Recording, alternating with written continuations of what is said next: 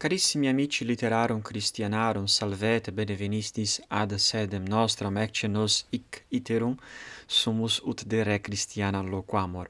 Bene, odie, cum iam simus prope diem festum corporis Christi, velim vobis legere et quodammodo ennodare illum inum quem canimus in honorem sanctissimi sacramenti qui vocatur pange lingua, ergo sinterfueritis solemniis corporis Christi, audietis unc inum in processione eucharistica. Ergo coniam intra aliquot dies celebrabimus festum corporis Christi opere pretium est unc inum legere et bene interlegere. In primis quis composuit Pangelingua gloriosi, composuit Sanctus Thomas Aquinas. Sanctus Thomas fuit monacus Dominicanus et vixit seculo tertio decimo et sanctus et uh, philosophus et theologus et uh, iam erat celeberrimus uh, eh, sua etate. Omnes eum noverunt propter suam sapientiam et suam peritiam. Et et papa pontifex urbanus quartus quesivit ab ut conscriberet preces et innos et carmina in honorem Santissimi Sacramenti. Et Sanctus Thomas composuit, inter illa carmina composita etiam extat pangelingua gloriosi. Ergo legamus et intelegamus. pange lingua gloriosi corporis mysterium, sanguinisque preciosi, quem immundi pretium, fructus ventris generosi, rex effudit gentium.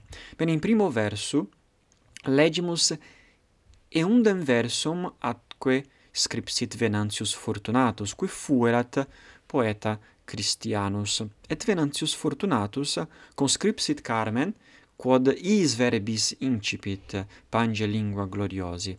Sed Carmen Venantii Fortunati est Carmen in honorem non sanctissime Eucharistie, sed in honorem crucis, in honorem mysterii crucis ergo fortasse sanctus Thomas dissumpsit unc primum versum ex venantii fortunati carmine ut demonstraret vinculum inter festum corporis Christi inter festum mysterii eucharistie et mysterium crucis.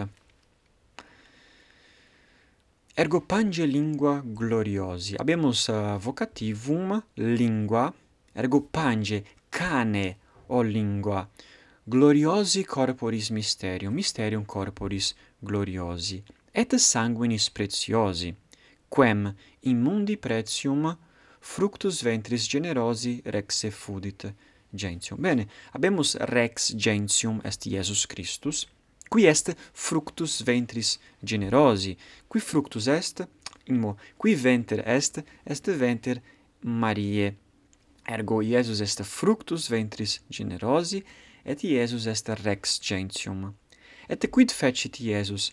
Iesus effudit sanguinem sum in pretium mundi, id est ad homines redimendos, ergo sanguinem sum effudit in pretium mundi, ut homines salvaret, ut homines servaret nobis datus nobis natus ex intacta virgine.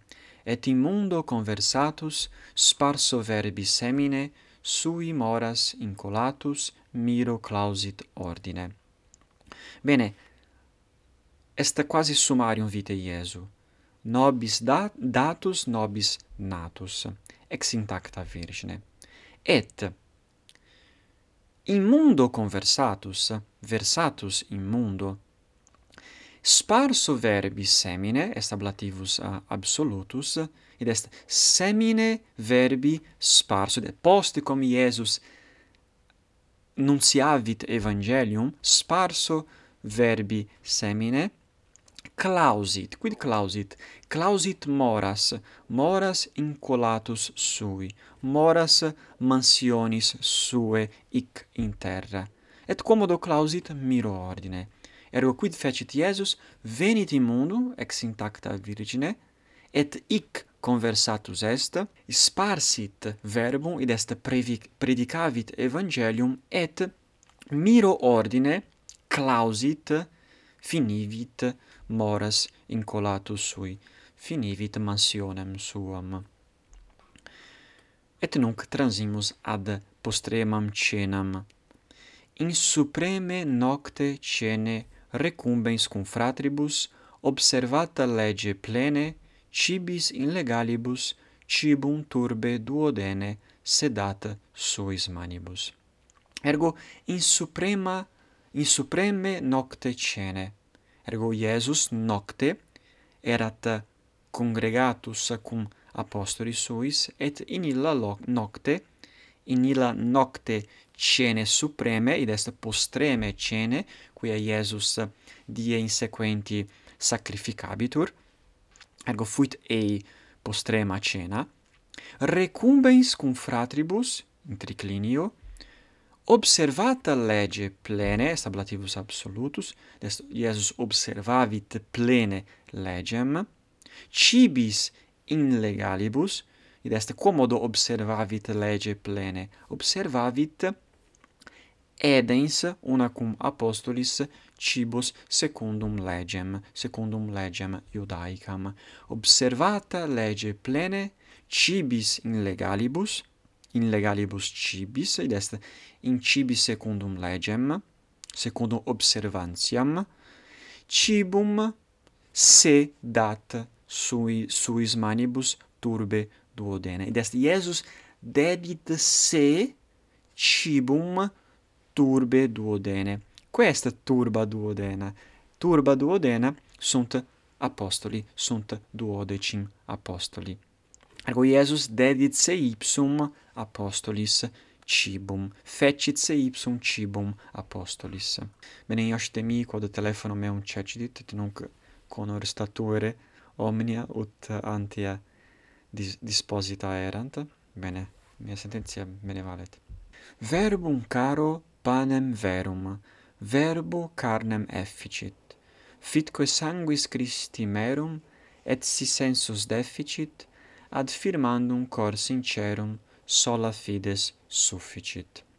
Bene, Iesus est verbum caro factum. Sicut legimus in initio Evangelii Ioannis, in principio erat verbum, et verbum caro factum est. Ergo, verbum caro factum, id est Iesus ipse, efficit, quid efficit? Efficit carnem suam panem verum. Ergo, Iesus efficit carnem suam panem verum, quomodo verbo, verbo, dicens, hoc est corpus meum, hic est sanguis meus. Ergo, verbo suo efficit quid carnem suam panem. Fitque sanguis Christi merum, quid est merum? Merum est vinum, vinum sine mixtione, est vinum merum purum. Et si sensus deficit, ad firmandum cor sincerum, sola fides sufficit. Et si sensus, sensus noster deficit, id est, si faculta nostra sentiendi deficit, quia cum aspicimus cum spectamus acumine oculi panem. Non videmus carnem videmus formam panis. Videmus omnia quae ostendunt nobis panem esse. Ergo sensus sensus corporis non valet attingere per, per tingere mysterium ergo ad firmandum cor sincerum sufficit sola fides. Ero sola fides sufficit ad firmandum cor sincerum. Ergo sensus non potest ad tanto mysterium pervenire, itaque necesse est fidem abere. Ut vere videamus sub specie panis sub esse corpus et sanguinem Christi. Tantum ergo sacramentum veneremur cernui et antiquum documentum novo cedat aretui, prestet fides supplementum sensum defectui. Ergo, ec est conclusio tut, uh, totius carminis. Ergo, veneremur, est, est conjunctivus exhortativus, veneremur quomodo cernui, nos cernui, inclinati, proclives, cernui veneremur tantum sacramentum. Et antiquum documentum, antiquum testamentum, cedat, cedat locum novo ritui. Novus ritus est novus est novum testamentum. Ergo antiquum documentum cedat locum novo ritui, novo testamento. Prestet fides supplementum sensum defectui. Id est sit fides, est imo, fides det prestet quid supplementum cui defectui sensum, quia sensus non valet, sicut iam dixi. Ergo fides debet prestare supplementum sensibus defectibus sensum. Ed inde habemus doxologiam est conclusio qua laudatur Sancta Trinitas.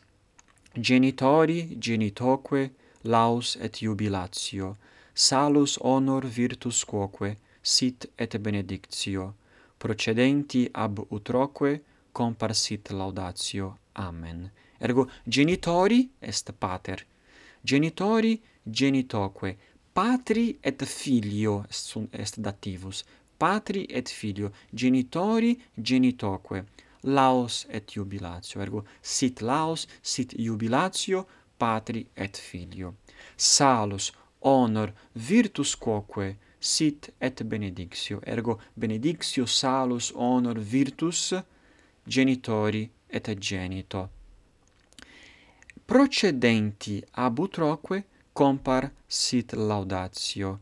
Ergo, qui est qui procedit a patre et a filio, est Spiritus Sanctus. Ergo procedenti dativus ab utroque a patre et a filio sit laudatio compar. Amen. Fortasse iam ad advertistis hoc carmem abere duos versus, est duos uh, duo genera versum.